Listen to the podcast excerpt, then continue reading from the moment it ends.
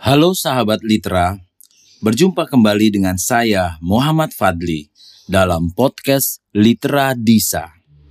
Dalam perjumpaan kali ini, saya akan membacakan bab 16, Menempuh Hidup, di novel Tenggelamnya Kapal Van der Wijk.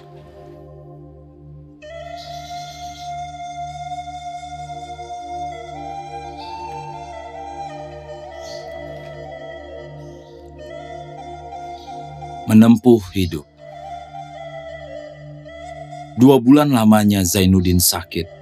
Sakit yang boleh dikatakan penutup daripada zaman angan-angan remaja dan pintu zaman yang baru untuk penghidupannya. Rupanya Allah masih mengizinkan dia hidup. Padahal sudah berapa kali di dalam sakitnya dia meminta mati.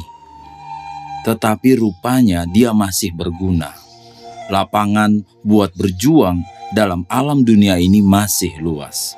Sebab itu, maka sembuhlah dia dari sedikit ke sedikit. Pikirannya pun timbul dari selangkah ke selangkah. Sehingga akhirnya kekuatannya telah surut semula. Hanya pada tepian matanya, pada raut keningnya, masih tetap terbayang segala lakon hidup yang dijalaninya. Persahabatan manusia yang didapat sesudah menempuh sengsara adalah persahabatan yang lebih kekal daripada yang didapat di waktu gembira. Demikian pula lah di antara Zainuddin dengan Muluk. Sejak dia sakit sampai sembuhnya, tidaklah pernah terpisah lagi di antara kedua orang itu. Zainuddin masih muda dan banyak cita-cita. Muluk lebih tua dan banyak pengalaman, walaupun ilmunya tak ada selain dari pergaulan. Pada suatu hari, tengah hari, sedang cacau ragi kain, sedang lengang rang di kampung. Hanya sekali-kali kedengaran peluit kereta api yang sedang diperbaiki di bengkel dekat stasiun. Dan dari jauh kedengaran aliran air yang merawankan hati dalam belukar anai. Kebetulan muluk kembali dari pasar tidak mendapati Zainuddin di rumah. Dicarinya ke dalam kamar, tak ada. Dicarinya dan ditanyakannya kepada ibunya sendiri. Ibunya pun tak tahu. Terkenanglah dia bahwa pada zaman yang akhir ini, Zainuddin suka sekali bersunyi-sunyi ke belukar Anai, ke tepi sungai yang mengalir dengan bunyinya yang dahsyat itu. Seakan-akan berserunai, bernafiri layaknya. Dia pun dengan tergesa pergi ke sana. Persangkaannya tepat sekali. Didapatinya Zainuddin sedang duduk di atas sebuah batu melihat air mengalir yang selalu seakan-akan bertutur. Nun jauh di sana adalah lubuk mata kucing, tempat orang mandi-mandi bergurau. Setelah muluk datang, Zainuddin telah tahu, tetapi tak sepatah jua ditegurnya. Di sanalah muluk mulai berkata, Apakah yang guru menungkan juga? Begini baru usiaku. Sudah begini besarnya kedukaan yang menimpa diriku. Menung apakah yang tidak akan terjadi? Kalau Bang Muluk merasai, tentu abang tak akan sampai bertanya. Hentikanlah segala permenungan itu, guru muda. Sebab segala yang kejadian itu telah berlalu masanya. Apa yang telah tertentu sejak dalam rahim bunda tak dapatlah makhluk mengelakkan. Ujar muluk dengan rupa yang sungguh-sungguh. Secara persahabatan, biarlah dengan segenap kejujuran saya lepaskan perasaan yang terguris kepada guru Begini banyak ilmu yang telah guru tuntut.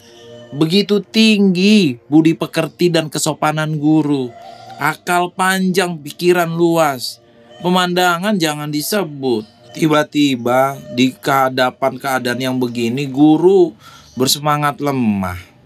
Lebih lemah daripada kami parewa yang tak kenal membaca bismillah. Tidaklah baik hidup yang murni dan mulia dikurung di terungku karena hanya semata-mata memikirkan seorang perempuan. Seakan-akan hanya itulah perempuan di dunia ini. Perempuan yang guru junjung itu sebelum sampai perkawinan berhasil dengan guru telah nyata emas dan loyangnya, batu dan intannya. Dia telah berkhianat, mengungkiri janjinya. Sehingga lantaran memikirkan itu, guru telah jatuh sehina selemah ini. Seakan-akan ditusukkannya sebilah keris yang tajam ke ujung jantung guru. Sehingga kalau bukan kasihan Allah, binasa guru dibuatnya.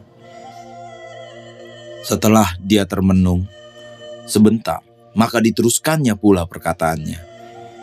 Hmm, di sini guru menangis terseduh-seduh, meratap terisak-isak, mengatakan guru kehilangan nikmat, kehilangan permata, padahal di pihak lain Perempuan itu dengan senyum gembira menyandarkan kepalanya ke atas pangkuan suaminya. Tidak teringat lagi olehnya diri kita. Dilupakan, dibuangkan. Setelah dibuang, diinjakannya pula. Guru pergi duduk-duduk bermenung seorang diri ke tempat yang lengang. Padahal ke mana pun kita pergi, iblis senantiasa menurutkan kita. Alangkah berbahayanya kalau dibisikkan oleh si iblis itu menyuruh guru putus asa. Disuruhnya membunuh diri. Buat orang yang guru cintai, agaknya lebih senang hatinya kalau guru hilang dari dunia.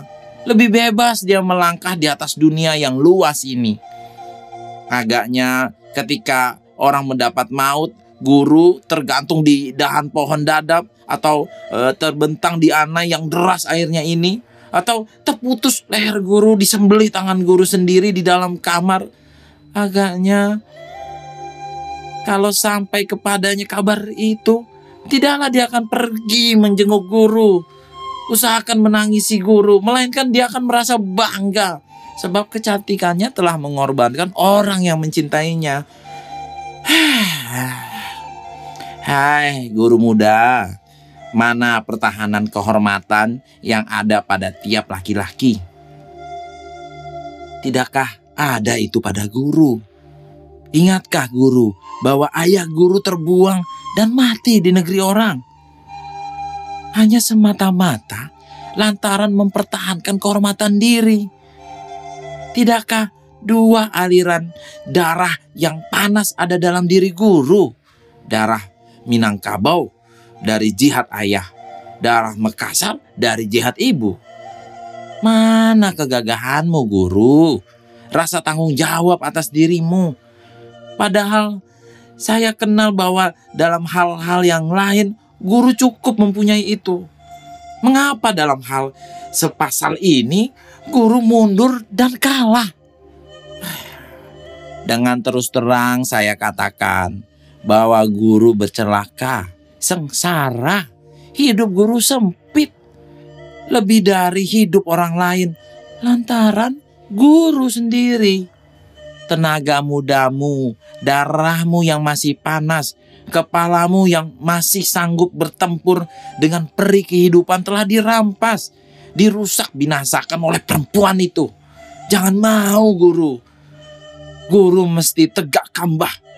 Langkahkan kaki ke medan perjuangan yang selalu meminta tentara, yang selalu kekurangan serdadu. Karamkan diri ke dalam alam, ke dalam masyarakat yang maha luas. Di sana banyak bahagia dan ketentraman tersimpan. Di mana-mana didirikan orang perkumpulan-perkumpulan, penolong fakir dan miskin. Di mana-mana didirikan orang rumah-rumah sakit, penolong si sakit yang tak mampu. Di mana-mana diadakan rumah pondokan, pemilihara orang tua-tua yang masih panjang umurnya. Padahal telah lemah berusaha. Masuki itu. Dengan mencampuri pekerjaan itu akan terobat kedukaan hati yang sekarang. Di mana-mana didirikan orang perkumpulan politik atau ekonomi untuk membela kepentingan bangsa dan tanah air ini supaya mencapai bahagia dan hidup yang sempurna. Masuki itu. Kiraikan sayap. Tuangkan dan habiskan tenaga buat itu. Dengan begitu, penyakit yang guru tanggungkan tentu sembuh dan penghidupan dapat ditentukan arahnya sebelum terlambat. Di mana-mana diterbitkan orang surat-surat kabar, menuntun umat kepada kecerdasan, memuat perkabaran, pengetahuan, syair dan madah, cerita dan hikayat. Buku roman yang tinggi harganya telah dimulai dikeluarkan orang. Kalau guru ambil kesanggupan menumpahkan pikiran yang tinggi-tinggi itu dengan mengarang, ah, tentu akan berhasil. Apalagi pengalaman telah banyak. Jiwa telah kerap kali menanggung, hati telah kerap kali menempuh duka. Kalau guru segan di bawah tahluk orang, dengan uang yang ada di tangan guru, bolehlah menerbitkan sendiri. Dengan demikian, guru akan mengecap bagaimana nikmat kebahagiaan dan keberuntungan.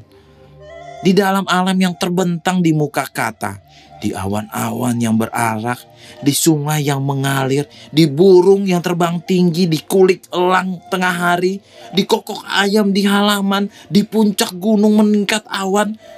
Pendeknya di mana-mana pun terbentanglah pengobatan hati dan jiwa. Di sana tersembunyi pokok-pokok untuk kebahagiaan hidup.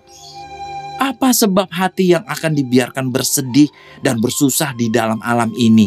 Padahal lapangan kemuliaan dan perasaan gembira terbuka buat semua orang. Orang yang bercela di dalam dunia ini hanya bertiga saja. Nah, pertama, orang dengki yang selalu merasa sakit hati melihat orang diberi Allah nikmat. Kesakitan hatinya itulah yang menyebabkan dia celaka.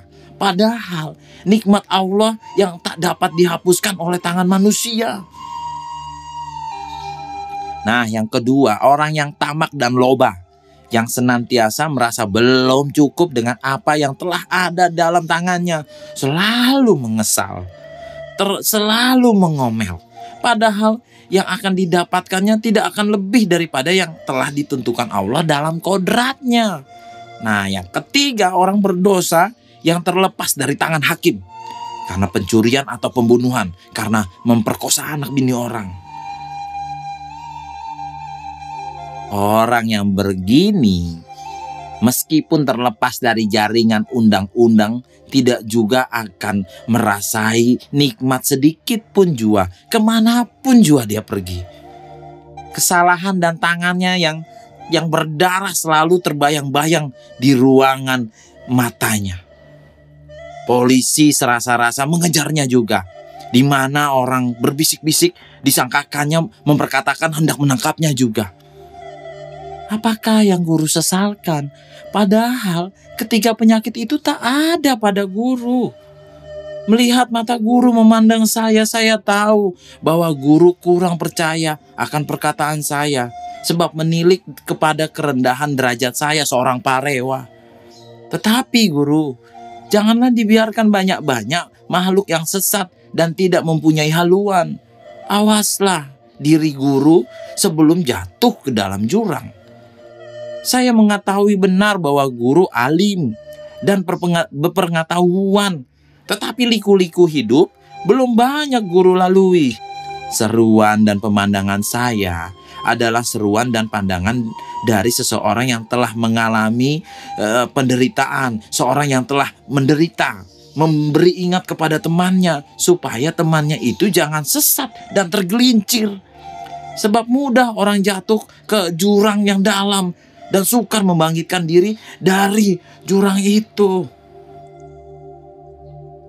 Saya salah sekali kalau orang sebagai guru menyangka kebahagiaan ada pada rumah yang indah, atau pada uang berbilang, atau pada perempuan yang cantik. Kalau demikian, apakah akan obatnya guru seorang yang terdidik budiman dengan orang zaman-zaman kini? Orang yang sampai gugur rambut di kepala mencari uang kian kemari, tetapi dia tidak hendak puas, hanyalah semata-mata lantaran diperintah oleh senyuman perempuan. Lihat anak-anak muda zaman sekarang yang menangis terseduh-seduh meminta belas kasihan perempuan. Mau dia berkorban, sengsara, hina, hanyalah mencari apa yang disebut orang cinta. Salah persangkaan yang demikian, hai guru muda. Cinta bukan mengajar kita lemah, tetapi membangkitkan kekuatan. Cinta bukan melemahkan semangat, tetapi membangkitkan semangat. Jika kita dikecewakan oleh perempuan pada hari ini, ada dua jalan yang ditempuh orang. Satu, jalan ditempuh oleh orang yang hina dan rendah budi. Satu, jalan pula ditempuh oleh orang yang dalam pikirannya. Yang ditempuh oleh parewa ialah membalaskan dendam dengan jalan menganiaya.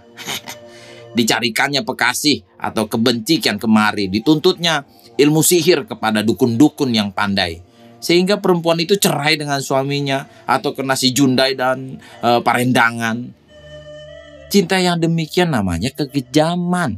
Dia menganiaya bukan mengasihi. Mementingkan kesenangan orang. Dan itu bukan budi dan cinta tetapi nafsu yang serendah-rendahnya.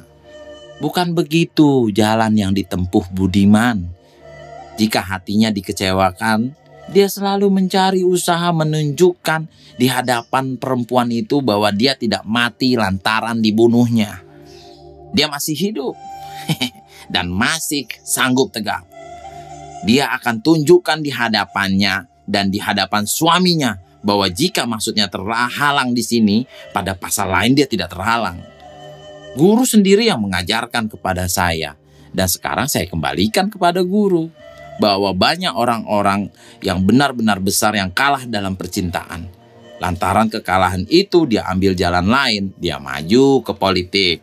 Dalam mengarang syair, dalam mengarang buku, dalam perjuangan hidup, sehingga dia naik ke atas puncak yang tinggi. Yang perempuan itu wajib melihatnya dengan menengadah dari bawah. Dengan itu, biar hatinya sendiri hancur dalam kekecewaan yang pertama, maka orang banyaklah yang mengambil hasilnya. Dalam sekali nasihat-nasihat yang diberikan oleh Muluk, tercengang Zainuddin memikirkan tidak disangkanya bahwa temannya itu yang pada lahir dicap seorang parewa, tetapi pada batinnya seorang guru yang telah banyak sekali meminum air hidup. Sehingga di dalam muluk berkata-kata, teringatlah di hati Zainuddin bahwa selama ini belum ada dia beroleh seorang sahabat tempat menumpahkan perasaan hati yang serupa dengan muluk itu.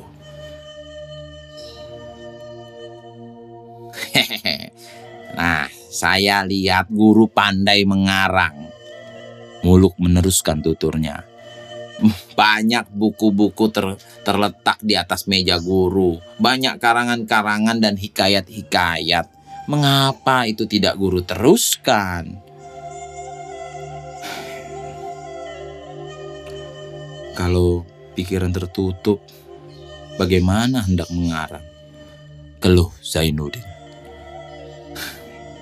Kata orang ketika ditimpa hal-hal yang seperti inilah, terbuka pikiran membuat karangan. Jawab muluk. Benar segala perkataanmu, Bang Muluk. Tidak ada yang salah. Segala yang tersebut itu telah saya usahakan, telah saya ketahui. Tetapi itulah, saya akui pula semangat saya yang lemah yang tak dapat mencapai kemenangan di dalam perjuangan, mencari mana yang lebih benar. Tetapi saya ingat pula bahwa segala yang kejadian itu mesti kejadian.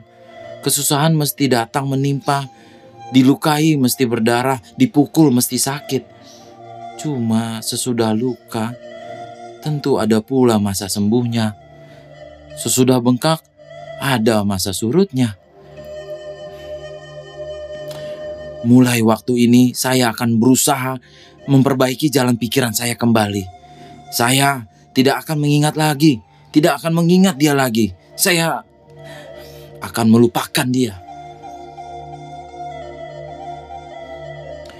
Apa pun kesakitan yang mengenai hati, moga-moga dapatlah disembuhkan Tuhan dengan berangsur.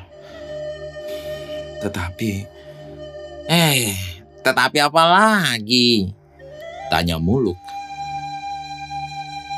Saya sudah pikirkan bahwa yang lebih maslahat bagi diri saya dan bagi perjuangan yang akan saya tempuh di zaman depan, saya terpaksa pindah dari kota Padang Panjang.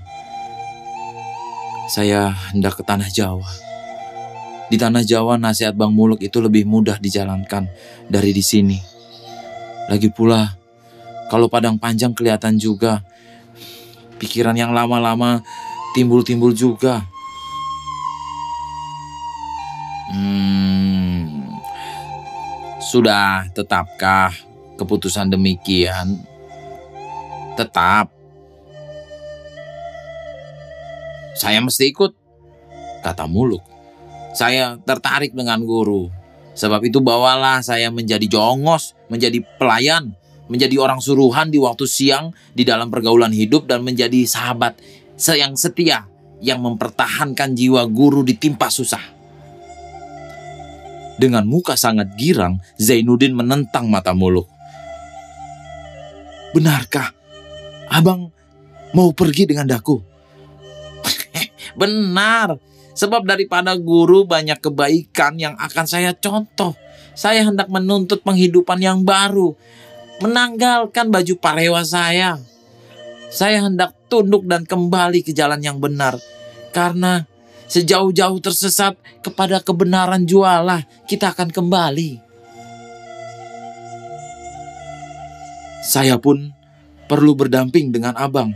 Kita tidak tidak berpisah lagi. Banyak pula kebaikan dan faham yang dalam-dalam yang perlu saya ambil daripada abang muluk. Hmm, sampai mati menjadi sahabat. Kata muluk. Sampai mati menjadi sahabat. Kata Zainuddin pula sambil bersalam-salaman yang lama sekali. Seminggu di belakang itu kelihatan Zainuddin dengan muluk di atas dek kapal Sloot van de Belle yang akan berlayar dari Teluk Bayur ke Tanjung Priok.